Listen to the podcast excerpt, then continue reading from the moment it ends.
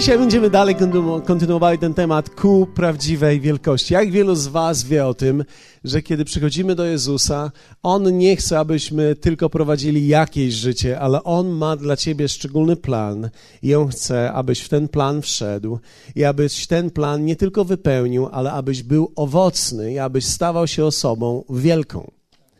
Wiecie, nie każdy stanie się osobą popularną, ale wierzę w to, że każdy człowiek, który jest Bożym człowiekiem, jest powołany do wielkości. Wierzę w to, że Bóg umieścił w każdym człowieku ziarno wielkości, ponieważ On sam jest wielki. Jak wielu z Was wie o tym, że wielki jest Pan. Psalm 145 mówi: Wielki jest Pan, a On uczynił Ciebie na swój obraz i podobieństwo. Więc to oznacza, że On umieścił w Tobie ziarno tej wielkości. Ta wielkość jest wewnątrz Ciebie. I ta wielkość domaga się, aby wyjść z Ciebie. Ona domaga się rozwoju, ponieważ On umieszcza w nas tą swoją wielkość w postaci nasienia, ziarna.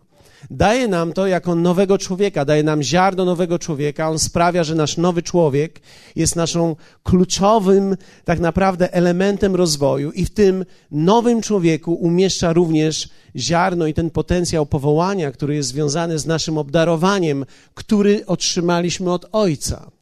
Bóg Ojciec uczynił ciebie w doskonały sposób. Sprawił, że wyglądasz dzisiaj tak, jak wyglądasz. No, powiedzmy tak, myśmy pracowali też nad niektórymi tematami, że wyglądamy tak, jak wyglądamy, ale każdy z nas ma pewnego rodzaju osobowość, każdy z nas ma pewnego rodzaju obdarowania. Zostaliśmy uczynieni w niesamowity sposób. Każdy człowiek jest inny w swojej duszy, w swoim wyrażaniu. Jeden wyraża coś bardzo ekscytująco, inny wyraża coś na spokojniej. Wiecie, Bóg umieścił w nas też różnego rodzaju dary, mamy zdolności w jakichś dziedzinach. I wierzę w to, że to wszystko, ten cały pakiet domaga się tego, abyśmy my, rozwijając go, szli w stronę tej wielkości, tak aby On był wywyższony i aby to, co On zaplanował, było coraz bardziej przez Niego i przez nas budowane. Bóg zawsze chce współpracować z nami. Bóg nigdy nie robi rzeczy sam za nas, On chce włączyć Ciebie w ten proces rozwoju. Wielkość nie jest produktem Bożym. Wielkość jest zgodą człowieka. Wielkość nigdy nie przyjdzie do człowieka, który przez przypadek stał się wielki. Ludzie nie, rzadko przez przypadek stają się wielcy. My stajemy się wielcy poprzez nasze wybory, poprzez nasze decyzje. I ku temu jest droga. Mówiliśmy w zeszłym tygodniu na temat pokory, drogi pokory. Dzisiaj chciałbym kontynuować dalej ten temat, bo wierzę w to, że my, e, nie wiem, nie mogę powiedzieć, że w Polsce, ale mieszkam tutaj, żyję z ludźmi i widzę, że my mamy komentarz na każdy temat. My jesteśmy profesjonalistami w każdej dziedzinie. Każdy Polak to jest najlepszy lekarz, e, to jest najlepszy prawnik. My, my jesteśmy najlepsi we wszystkim. O polityce każdy z nas potrafi rozmawiać godzinami. My dokładnie wiemy, w jaki sposób kraj powinien być rządzony. My wiemy, jak powinny być prowadzone kościoły. My mamy opinię na temat kościołów, mamy opinię na temat każdego prawie kościoła. Tego, w którym jesteśmy i na temat tego, w którym nie jesteśmy. Mamy opinie i te opinie tak naprawdę w pewien sposób kształtowane są przez naszą mentalność, która gdzieś wywodzi się jednak z jakichś takich nurtów religijnych, nurtów odrzuceniowych, zakompleksienia i my próbujemy budować na tej podstawie, ale na tej podstawie nie można nic zbudować oprócz rewolucji. Rewolucja to jest jak skopanie działki. Wiecie, można kopać całe życie działkę ale dopóki nic nie zasiejesz, nie będziesz pielęgnował, nic nie wyrośnie. Więc trzeba przekopać, ale nie można całe życie kopać. Jak wielu z Was wie o tym, że działki nie kopie się trzy razy w ciągu roku? Albo pięć razy w ciągu roku. Albo za każdym razem, jak idziesz na działkę, nie kopiesz jej. Dlatego, że to, co Ciebie ekscytuje, to jest przekopana działka. Nas ekscytują owoce, powinny nas ekscytować owoce. Tymczasem to, do czego doprowadza nas czasami nasz brak poczucia wartości, nasze kompleksy, jakieś narodowe przywary, jeszcze do tego nakłada się nasza religijność społeczna, sprawia to, że mamy tak naprawdę rozwiniętą pychę pod pozorem pokory. Dlatego, że pokorę można udawać. Pokorę można udawać, można udawać ją w swoim dźwięku, w wyrażaniu. A witam Ciebie, siostra. Można, można, można sprawiać, że głosem robimy z siebie pokorną osobę. Tymczasem pokora jest tak naprawdę postawą serca. Postawą względem prawdy, względem życia, postawą względem rzeczy, których nie znam, ale też i postawą względem rzeczy, które znam, dlatego że wierzcie mi, większość rzeczy w pewien sposób doświadczyliśmy, tymczasem one niekoniecznie są prawdą.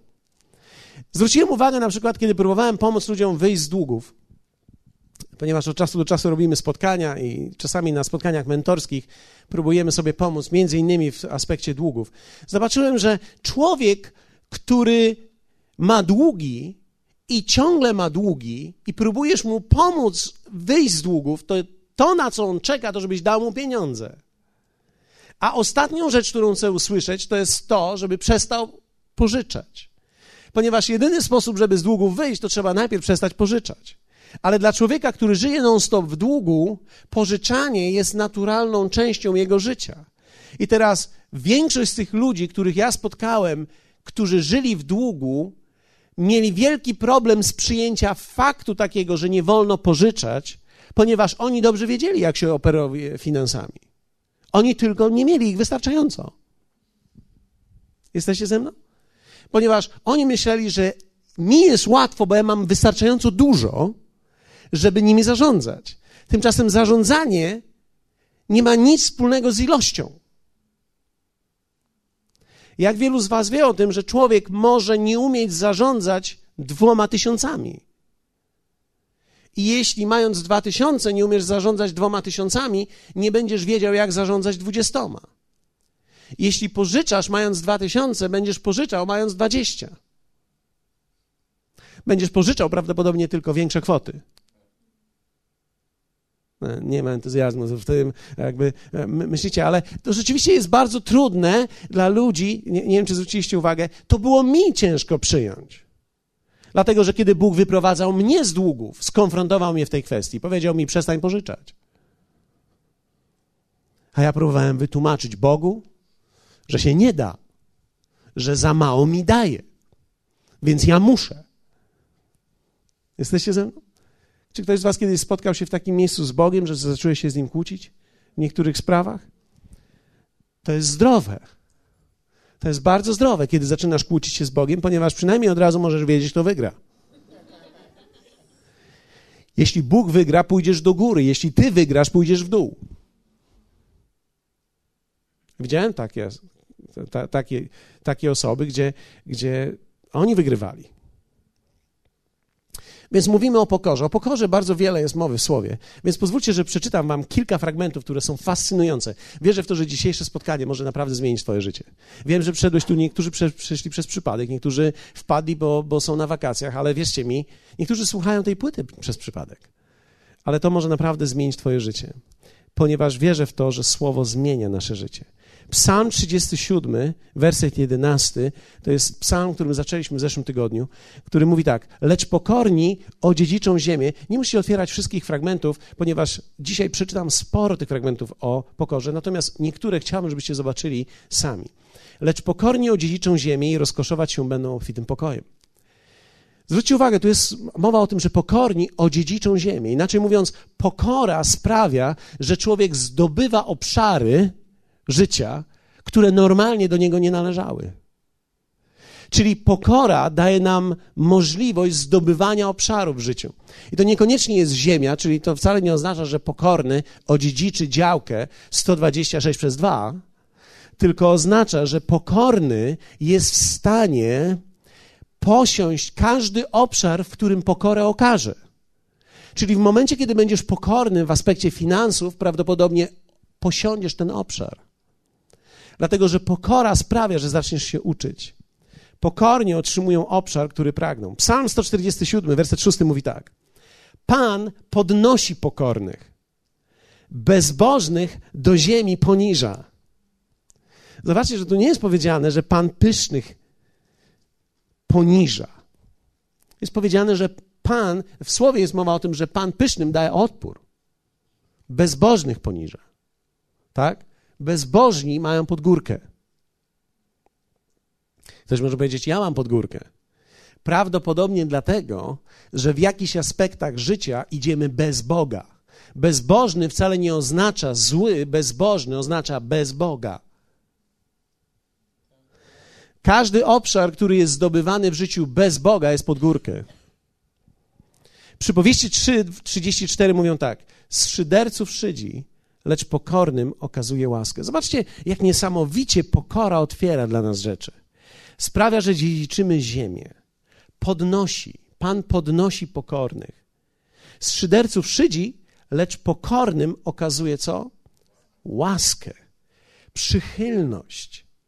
Przypowieści 11:2 mówi tak: Zapychą przychodzi hańba, lecz u pokornych jest mądrość. Wiecie, pokora prowadzi nas do mądrości, dlatego że pokora pyta. Pokora zakłada, że czegoś nie wie. Dlatego też słowo uczy nas, żebyśmy byli słuchaczami. Nie prędcy w mówieniu, wyrażaniu opinii, ale abyśmy pytali innych, co sądzą o dany temat. Dlatego, że wiecie, wielu ludzi może wnieść bardzo wiele do naszego życia. Tu w kościele mamy wystarczającą ilość ludzi do tego, aby dać nam mądrość prawie w każdej dziedzinie. Wystarczy tylko, że znajdziesz właściwego. Halo? Jest tam ktoś? Przypowieści 11.2 mówi tak. Zapychą przychodzi hańba, lecz u pokornych jest mądrość. Czyli możemy naczerpać mądrości. Przypowieści 16, 18, 19 mówi tak. Pycha chodzi przed upadkiem, a wyniosłość ducha przed ruiną. Lepiej być pokornym z ubogimi, niż dzielić łupy z pyszałkami. Co to oznacza? To oznacza, że kiedy jesteś pokorny z ubogim, prawdopodobnie nie pozostaniesz w tym miejscu. Ale kiedy jesteś, dzielisz łupy z pyszałkami, to prawdopodobnie też nie pozostaniecie w tym miejscu. Tak? Dlatego, że pyszny będzie szedł drogą w dół, a pokorny będzie szedł drogą w górę. Biblia mówi, że pycha chodzi przed upadkiem. To jest bardzo ciekawe, dlatego że kiedy widzisz, kiedykolwiek widzisz pewien rodzaj arogancji, dumy, możesz zobaczyć, że za chwilę będzie upadek w tej dziedzinie. Przypowieści 18:12. Nie jeden jest butny przed upadkiem, lecz chwałę poprzedza pokora. Przypowieści 29, 22, 23. Człowiek skłonny do gniewu wszczyna zwadę, a porywczy popełnia wiele błędów. Pycha przywodzi człowieka do upadku, lecz pokorny duchem dostępuje czci. Jest szanowany. W Izajasza, Izajasz prorok mówi o Jezusie. Mówi o Jego pokorze. I mówi to w ten sposób. Znęcano się nad Nim, lecz On znosił to w pokorze. I nie otworzył swoich ust, jak jagnie na rzeź prowadzone i jak owca przed tymi, którzy ją strzygą. Zamilkł i nie otworzył swoich ust. Będę za chwilę mówił o tym, ponieważ to jest bardzo istotne. Pokora to jest umiejętność rozpoznania, o co warto walczyć, a o co nie. Dlatego, że czytając ten fragment, możemy mieć wrażenie, że Jezus, czy ten, który był prowadzony, tak się dał zepchnąć. Ale wiecie, on się nie dał zepchnąć, on wiedział, o co nie warto walczyć, bo w tym samym czasie walczył o coś o wiele większego. Michała 6:8 czytamy tak. Oznamiono ci człowiecze, to jest tak suma summarum Starego Testamentu, co jest dobre i czego Pan żąda od ciebie. Tylko, abyś wypełniał prawo, okazywał miłość bratnią i w pokorze obcował ze swoim Bogiem. Ok? Powiedzmy razem słowo pokora. Pozwólcie, że pokażę to będzie bardzo trudne dla tych, którzy słuchają na, na płycie, więc nie wiem, jak to rozszyfrują. Być może damy ten rysunek z tyłu na projekcie. Ale chciałbym pokazać Wam, w jaki sposób tworzymy wielkość i w jaki sposób pokora ma znaczenie tutaj. Wyobraźmy sobie naszą drogę życia. Teoretycznie jest to droga życia w górę. Nie każdego człowieka, ale to jest plan Boży dla ciebie. I teraz Wszyscy rozpoczynamy w jakimś miejscu. Jeśli ktoś z Was jest daleko, to może warto, żebyś się przesiadł, jeśli chcesz to zobaczyć, ale będę opowiadał i być może będzie widać stamtąd. Moja córka nie widzi dobrze.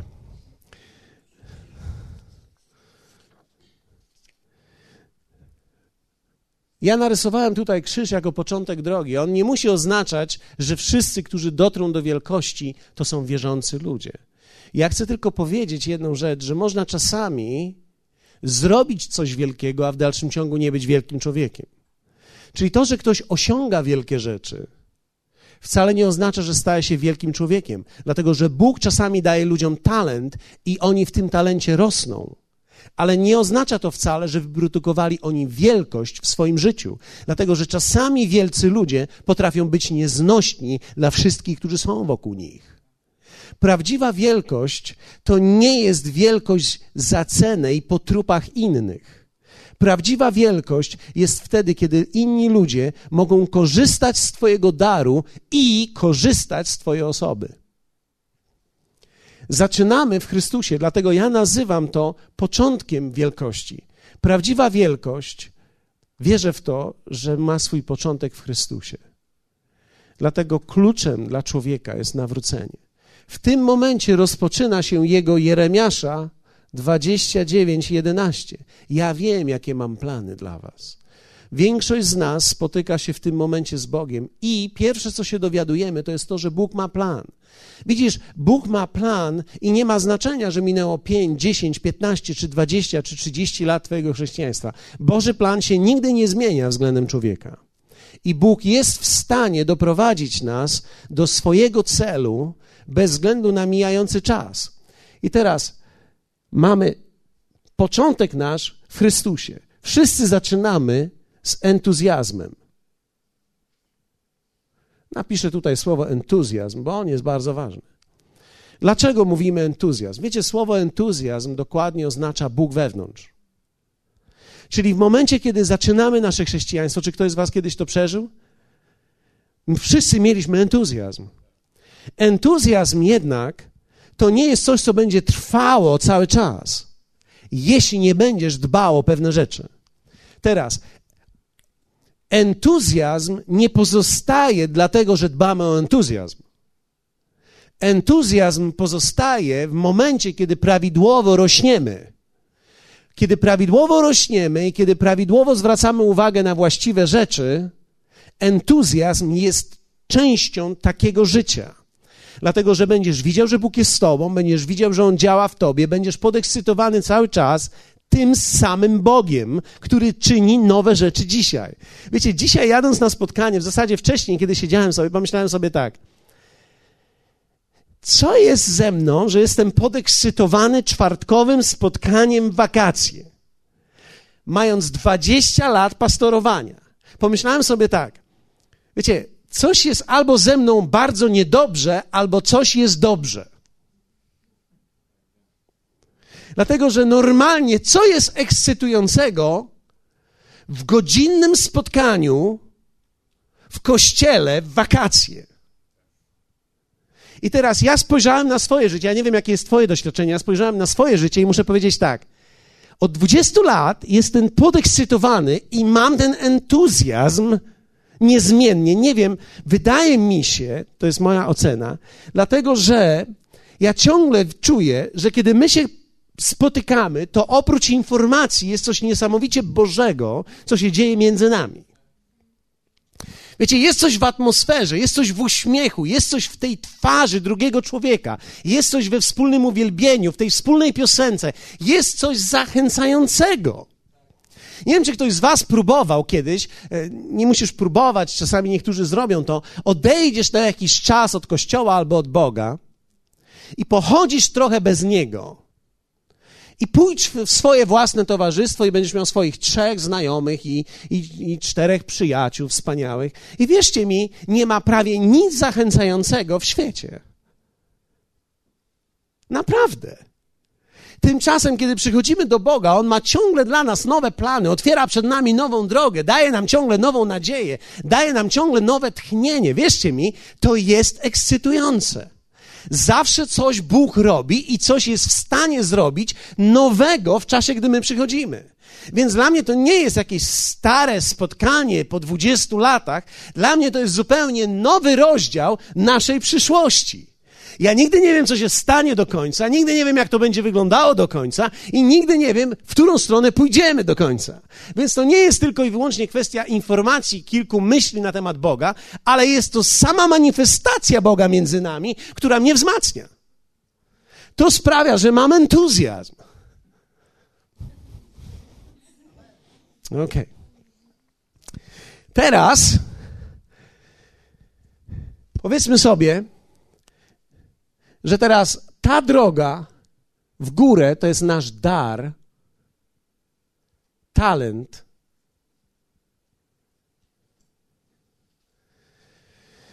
I tak jak droga w górę ciągnie nas darem i talentem, tak droga pokory to jest droga w dół.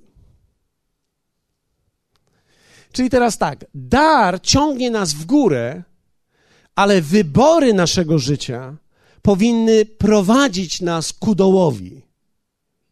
Zaraz wyjaśnię tą sprzeczność. To jest droga w dół. I teraz ta droga nazywa się charakter. Wiecie, flamastry kosztują 3 złote.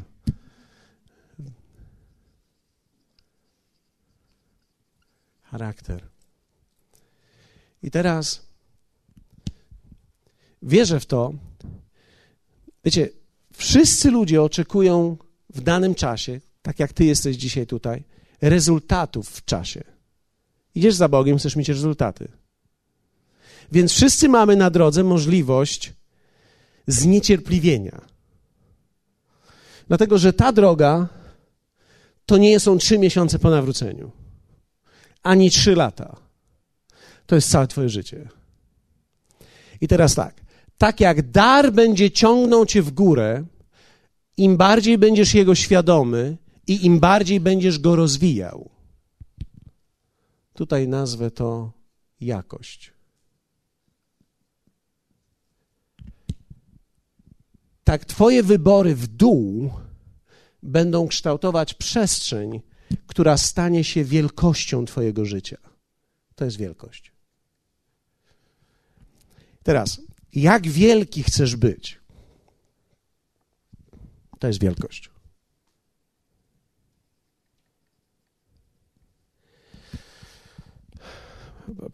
Posłuchajcie, bo to jest bardzo ważne. W świecie nie mówi się o tym.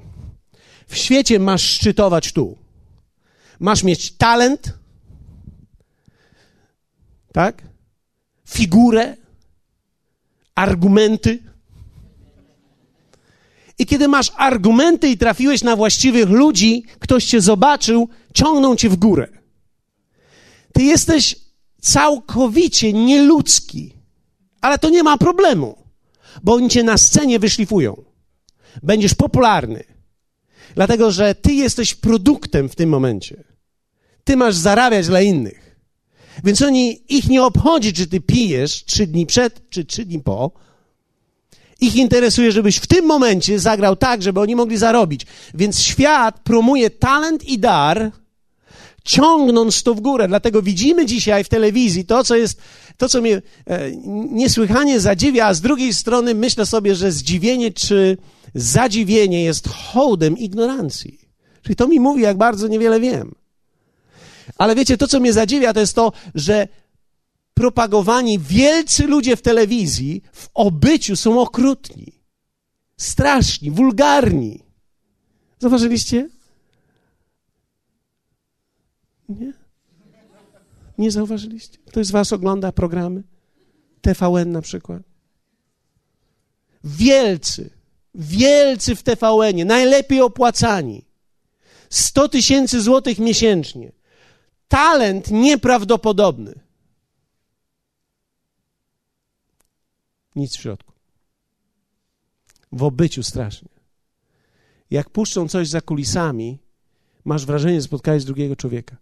Prawdziwa wielkość, która jest w Bogu, to nie jest wielkość, która reprezentowana jest przez talent, tylko wielkość, z którą się zderzamy, która nas przyciąga, o to, o czym mówiłem w zeszłym tygodniu, ma prawdziwy zapach, to jest ta wielkość. Kiedy widzisz nieprawdopodobny dar i nieprawdopodobną jakość z chęcią służenia wszystkim.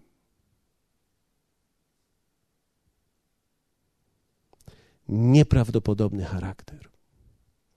I to tworzy przestrzeń, która uderza w nas jako wielkość.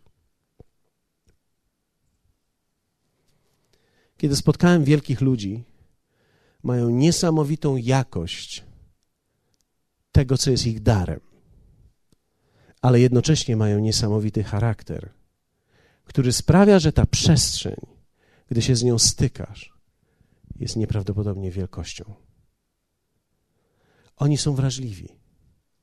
Zapytają, czy wszystko masz, czy wszystko potrzebujesz? I ty jesteś zadziwiony. Jak człowiek, który sięga tu, pyta ciebie, czy ty wszystko masz? No jest właśnie ten charakter. To jest prawdziwa wielkość. Wielkość.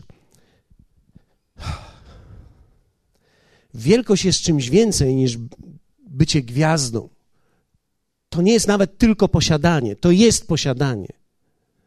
Ale wiecie, pamiętam jak któregoś dnia Peter Daniel zadzwonił do mnie. I mówi do mnie: Hej Paweł, co słychać? Wiecie, ja, ja, ja nie wiedziałem, co mam mu odpowiedzieć. Powiedziałem mu, że wszystko w porządku, ale, ale myśli, które kręciły się we mnie, są takie.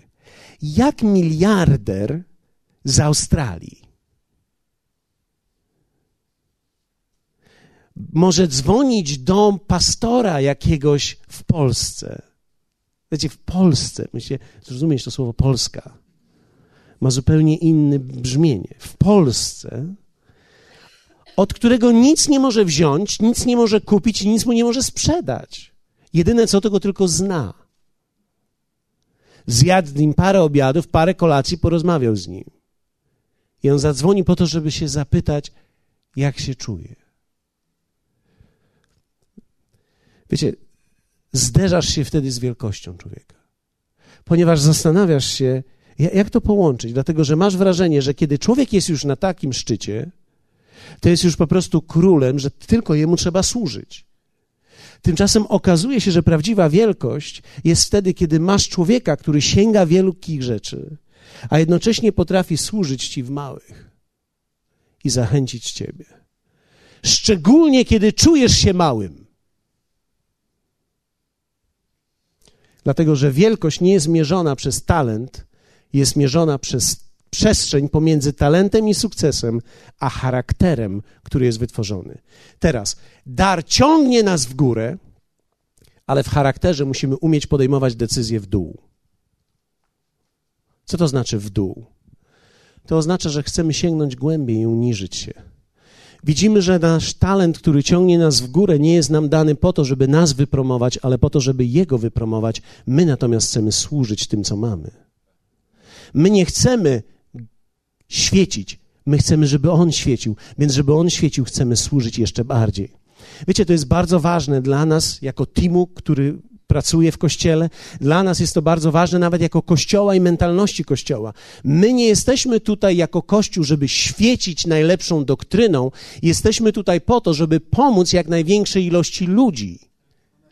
Jesteśmy tutaj po to, żeby pomóc ludziom. Więc nasza mentalność nie jest taka, chcemy być najwięksi, najlepsi, najbardziej błyszczeć, najlepiej świecić, najlepiej grać i tak dalej. My chcemy najlepiej służyć najszerszej grupie, jaka to jest możliwa. Dlatego, że prawdziwa wielkość zawsze woła do wielkości i motywuje innych. Widzisz, kiedy spotykasz człowieka, który jest na szczycie, możesz mu zazdrościć. Ale kiedy spotykasz człowieka, który jest prawdziwie wielki, chcesz być taki jak on. Nie chcesz mieć tego, co on ma. Chcesz stać się taki. I wtedy nie ma znaczenia, co on ma. I wtedy nawet nie pożądasz tego, co on ma. Ty chcesz być tak wielki jak on, w swoim wymiarze, do którego Bóg ciebie powołał. Hallelujah. Wiecie, Bóg woła nas do wielkości w tą stronę. I teraz tak, dar ciągnie cię w górę, charakter sprawia, że chcesz coraz bardziej służyć.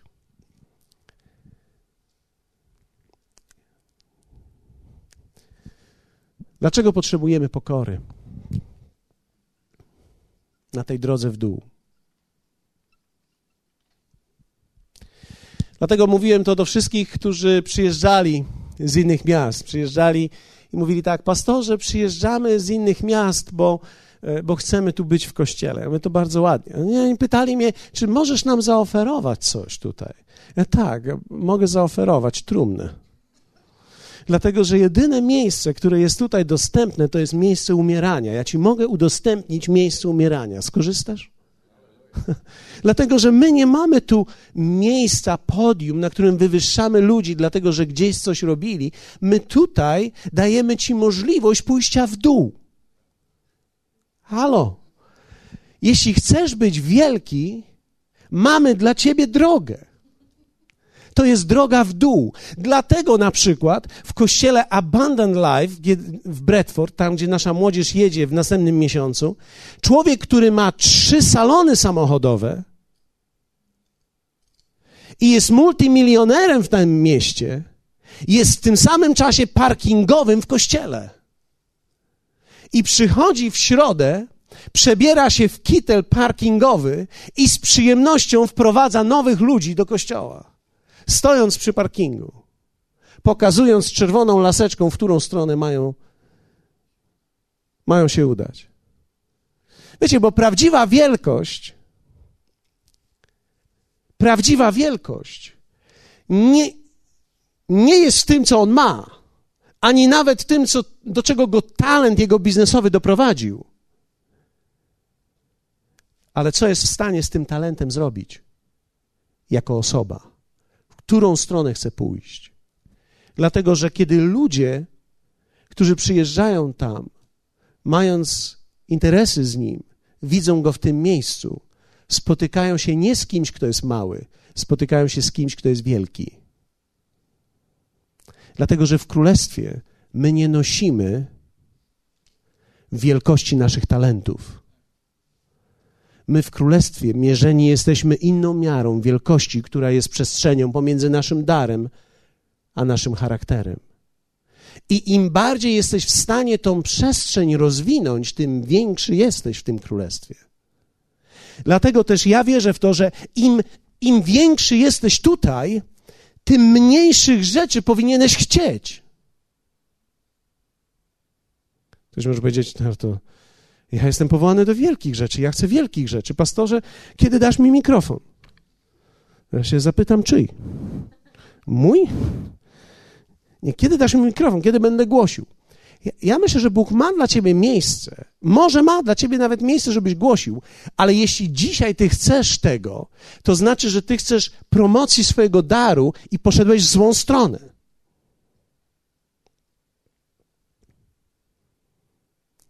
Dziękuję Wam za ten entuzjazm. Dlatego, że jeśli naprawdę chcesz wielkości, powinieneś umieć wybierać rzeczy małe i rozwijać w tym samym czasie talent i dar w tym, w czym jesteś tutaj i pozwolić, aby dar ciągnął cię w górę, a charakter, żeby szedł w dół. Tak, abyś wybierał drogę pokory, abyś rozwijał w sobie wielkość. Pamiętam, jak pastor Rusty kiedyś, e, jeden z, z największych dla mnie pastorów, który dokonał niesamowitej rzeczy w, w miejscowości, która ma kilka tysięcy ludzi, zbudował kościół około tysiąca osób. Ludzie przyjeżdżają zewsząd, z okolicy. wiecie, tam nie ma nic. Tam się jedzie krowy, krowy, krowy, krowy, e, płot, krowy, krowy, płot, krowy, krowy, kościół. Ja nawet nie wiem, gdzie ci ludzie mieszkają. I kościół, wiecie, kiedy ten budynek zaświecił wieczorem i myśmy podjeżdżali tam, ja nie mogłem uwierzyć, że ten budynek jest w takiej miejscowości. Tymczasem ten pastor mówi tak, od czasu do czasu ja biorę kosiarkę i koszę sobie. I ktoś kiedyś mnie zobaczył i mówi tak, pastorze, czemu ty kosisz? A on mówi, ponieważ to jest zdrowe dla mnie. Żebym nigdy nie myślał, że jestem taki szczególny, że mam ludzi od tego. Wiecie, i teraz nie, nie chciałbym, żeby ktoś z Was mi kupił kosiarkę teraz. Ponieważ to nie jest sprawa żadnego z Was, co ja robię, żeby być zdrowym. To jest sprawa, żebyś Ty znalazł coś dla siebie, dla swojego własnego zdrowia.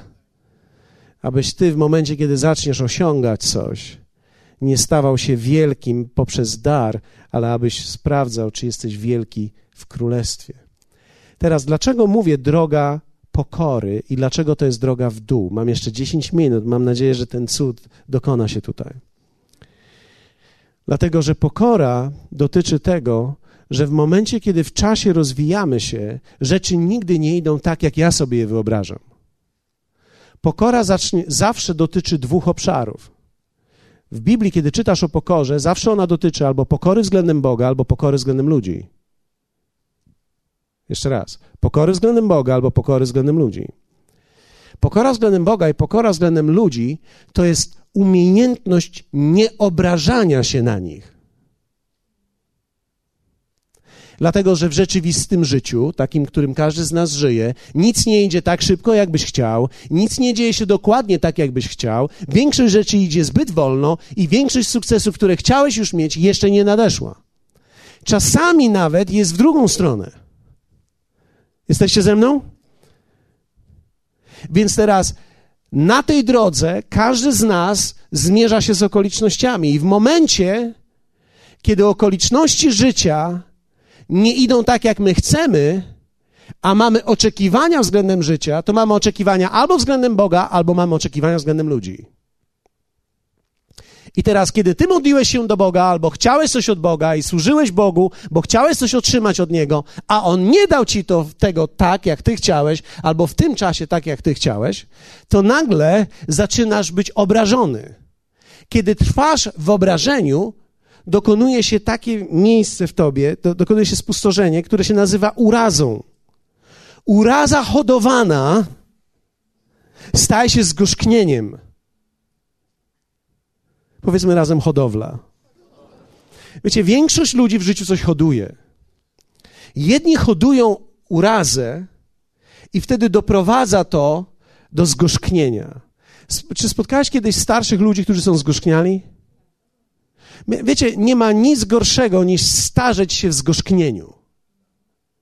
Dlatego, że kiedy starzejesz się w zgorzknieniu, stajesz się okropny dla ludzi. Nie, nie można z tobą żyć. Wszyscy, nawet najbliżsi, chcieliby, żebyś już odszedł do Pana.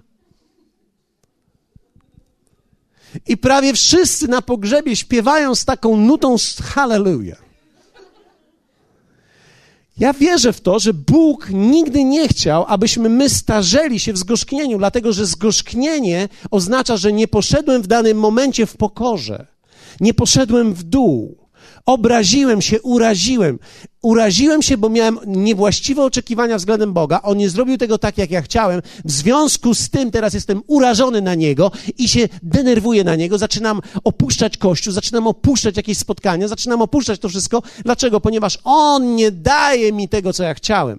Ja się nie rozwijam, ja nie zadaję pytań, ja nie pytam dlaczego, nie pytam, co jest u mnie. Ja po prostu jestem urażony na Niego i w tym momencie zaczynam pytać o mój dar, o mój talent, o to, co ze mną, co z moim życiem, ponieważ ponieważ czas idzie, a przecież ja muszę w końcu kiedyś też żyć i poczuć, że żyję.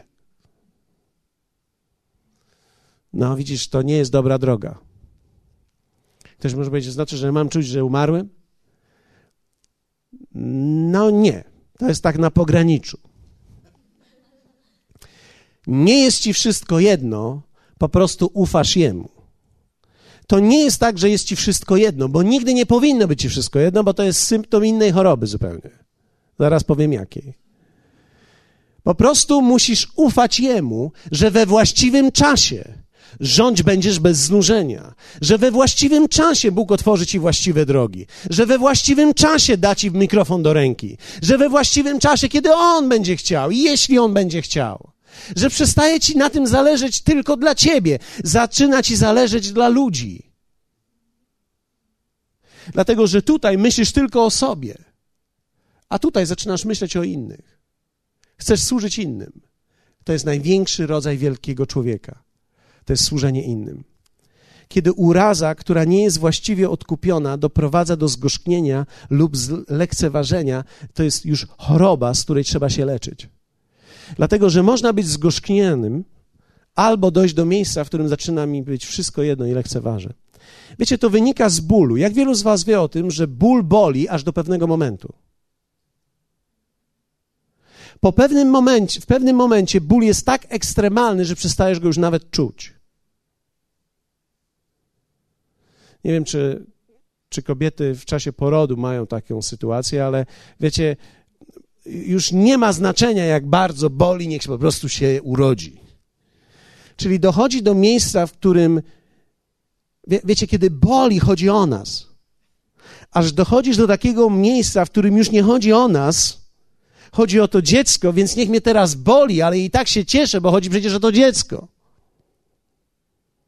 Hallelujah. Próbowałem wyjaśnić wam moje doświadczenia porodowe.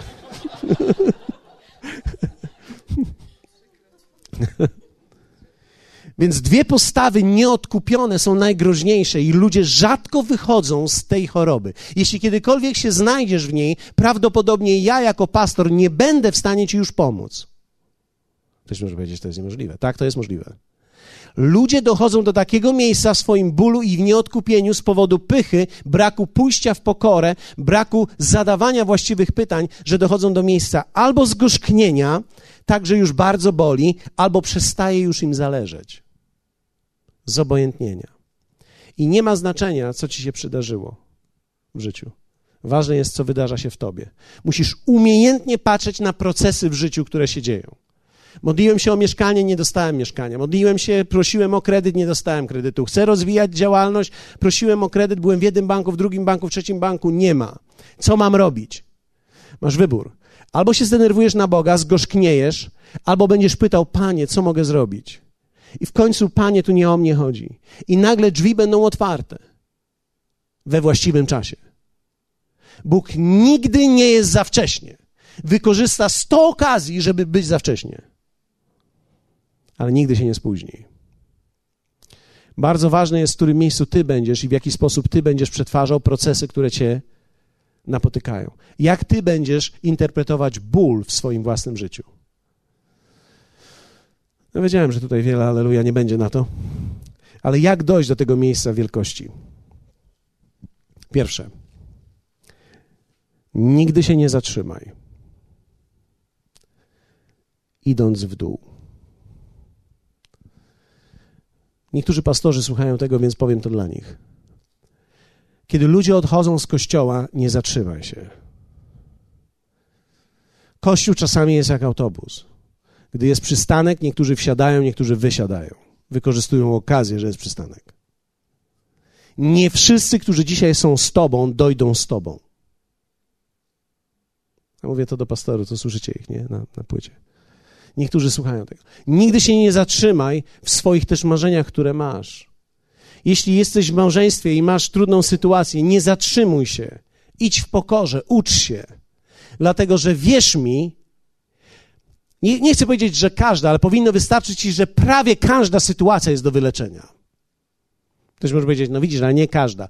A moja może jest właśnie ta nie do wyleczenia. Nigdy się nie dowiesz, dopóki z całym wysiłkiem nie pójdziesz w tą stronę. Idź w dół, służ. Służ swojemu mężowi. Służ swojej żonie. I pozwól, aby Boża wielkość dotknęła ją. Dotknęła jego. Nie parkuj nigdzie, ale ciągle podążaj. Wiecie, mi nie wolno się zatrzymać na tej drodze. Ja jestem pastorem parę lat, więc widzę, jak ludzie się zatrzymują co jakiś czas. Przestają im zależeć, przestają mieć relacje z Bogiem, przestają różne rzeczy robić. I, i wiecie, to jest takie naturalne. Ja, ja, tylko mówię, są pewne choroby, z których już wyjścia jakby nie ma, ale zachęcam tych wszystkich, którzy mnie dzisiaj słuchają, nie zatrzymuj się. Można w pokorze uczyć się dalej. Miejsce, w którym dzisiaj jesteś, nie jest ostatecznym miejscem. Zadaj właściwe pytania i idź dalej. Nie zatrzymaj się. Nie zatrzymuj się. 20 lat siania w jakieś miasto, w jakimś mieście, nie zatrzymuj się. Wierzcie mi, ja dzisiaj jestem dalszy od zatrzymania niż kiedykolwiek. Na początku jeszcze się zastanawiałem, dzisiaj już nie. Ktoś może powiedzieć, no dzisiaj to już jest coś, coś w ogóle jest. Nie, nawet jakby nic nie było, ja bym tu przyszedł, wierzcie mi. Być może tak będzie, no, Waldek przyjdzie, no ale nie wiadomo, ponieważ wiecie, ten, który mówi, że będzie z tobą, nigdy cię nie opuszczę. Panie, znacie to, prawda? Więc wiecie, ci, którzy werbalizują szybko, że będą z tobą, albo potwierdzają ci, że z tobą są na zawsze i że to jest wspaniały kościół, czerwona lampka niech ci się zaświeci, ponieważ to są ludzie, którzy najszybciej odejdą. Nigdy się nie zatrzymaj. Powiedzmy to razem, nigdy się nie zatrzymam. Nigdy się nie zatrzymaj, dlatego że w momencie, kiedy się zatrzymasz, gdy się poddasz, ta droga wielkości będzie zatrzymana. Idź w dół, buduj charakter, buduj pokorę. Nie jesteś w stanie windować swojego daru, nie jesteś w stanie sprawić, że wszyscy cię zobaczą, ale jesteś w stanie coś zrobić ze sobą. W pokorze służ. Daj siebie. To jest zdrowe. Drugie, walcz o właściwe rzeczy.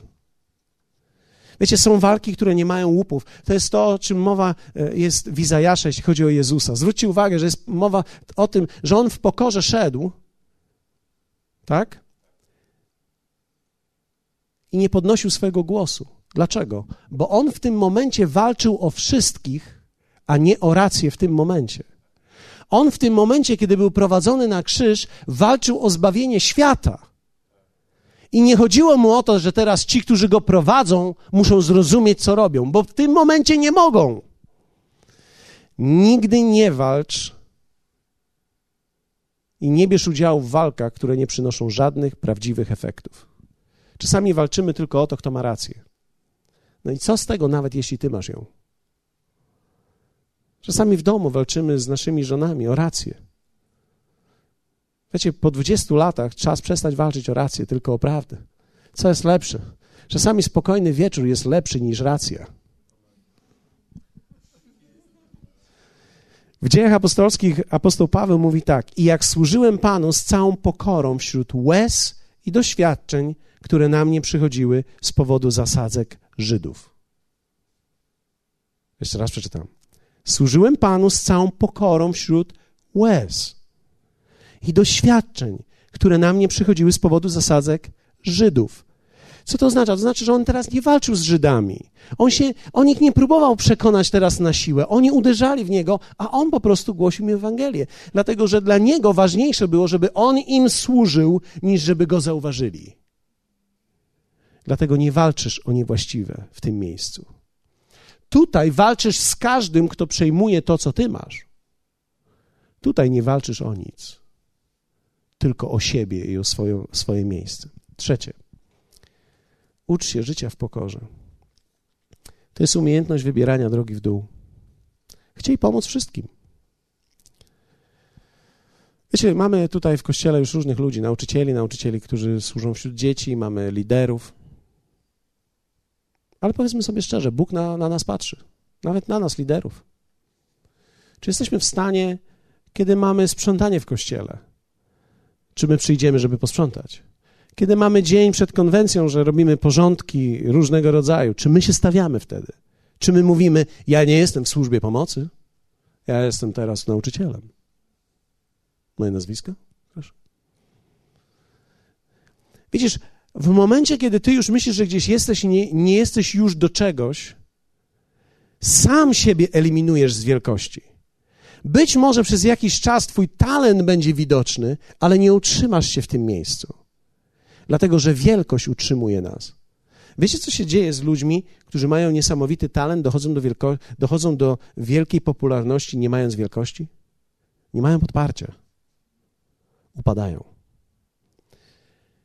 Wysoka pozycja bez prawdziwej wielkości jest upadkiem. Dlatego czasami, wiecie, Bóg nie daje nam od razu, nas nie objawia światu dla naszego dobra. Bóg potrzebuje nas najpierw ukryć, żeby nas objawić, wykształcić w nas wielkość, która jest w stanie podeprzeć nas. W Jana Ewangelii Jana czytamy taki fragment. Przyszli do Jana i rzekli mu, mistrzu, pamiętacie Jana? Jan był przed Jezusem, tak? Więc Jan miał pierwszy kościół, Jezus miał drugi, tak? Podzielmy to tak. Jan założył pierwszy kościół. Jezus wziął, ukradł mu paru uczniów i założył drugi kościół, tak? I teraz dyskusja jest taka. Ten, który był z tobą za Jordanem, o którym ty wydałeś świadectwo, oto on chrzci i wszyscy idą do niego. No to jest ciekawy komentarz przywództwa, prawda? Jan odpowiadając rzekł, nie może człowiek niczego wziąć, jeśli mu nie jest to dane z nieba. Wy sami możecie mi zaświadczyć, że powiedziałem, ja nie jestem Chrystusem, lecz zostałem posłany przed nim. Ludzie przyszli do Jana i powiedzieli mu tak, twoja pozycja, Janie, jest zagrożona. Ktoś inny wyprzedził cię w darze. Jest większy. Teraz wszyscy idą do tego kościoła. A Jan odpowiedział tak: Nikt nie może nic sam wziąć z nieba, dopóki mu to nie jest z nieba dane. Więc Jan miał dystans do tego i powiedział tak: Między innymi, tego nikt nie może mi odebrać. Więc ja nie będę walczył o moją pozycję. Ja będę szedł drogą w dół. Dlatego Jezus powiedział o nim, a kto się, zaprawdę powiadam wam, Jezus powiedział tak, nie powstał z tych, którzy z niewiast się rodzą, większy od Jana Chrzciciela. Nie było większego niż on, bo był w stanie mnie zrodzić i nie czuł się zagrożony, kiedy ja poszedłem wyżej. I to jest wielkość człowieka. Prawdziwa wielkość utrzyma się.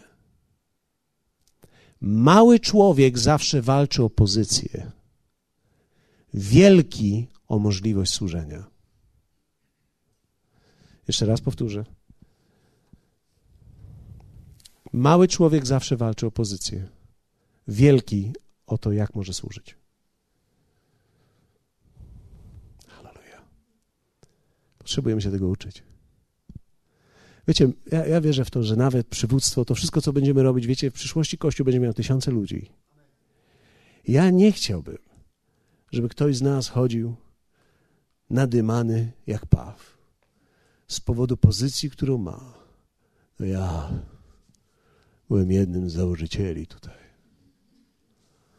Wiecie, tych już nie ma akurat, ale, ale chcę powiedzieć wam, że Bóg tchnął w to miejsce i nie pozwoli, aby ktokolwiek, nawet ja, trzymał na tym swoją rękę. Kościół zawsze był Jego, a my mamy tylko przywilej służyć w tym, co jest Jego. Nawet ja nie podchodzę do tego miejsca, to jest moje miejsce, mój Kościół. Wiecie, w dniu, kiedy tak pomyślę, że jest koniec ze mną, nie przed ludźmi, przed Nim, ja boję się bardziej Jego niż Was. Dlatego, że tak naprawdę to nam wszystkim zostało dane, abyśmy mogli tutaj być. I to nawet, że mogę dzisiaj do Was mówić, nie traktuję tego lekko. Traktuję to z, wielkim, z wielką odpowiedzialnością, ponieważ wierzę w to, że słowa mogą rodzić bądź też zabijać. I ja wierzę w to, że dzisiaj zrodziliśmy coś ku wielkości w każdym z nas. Ojcze, dziękuję Ci za ten wieczór i za to, czego mogliśmy dzisiaj dokonać w imieniu Jezusa. Amen.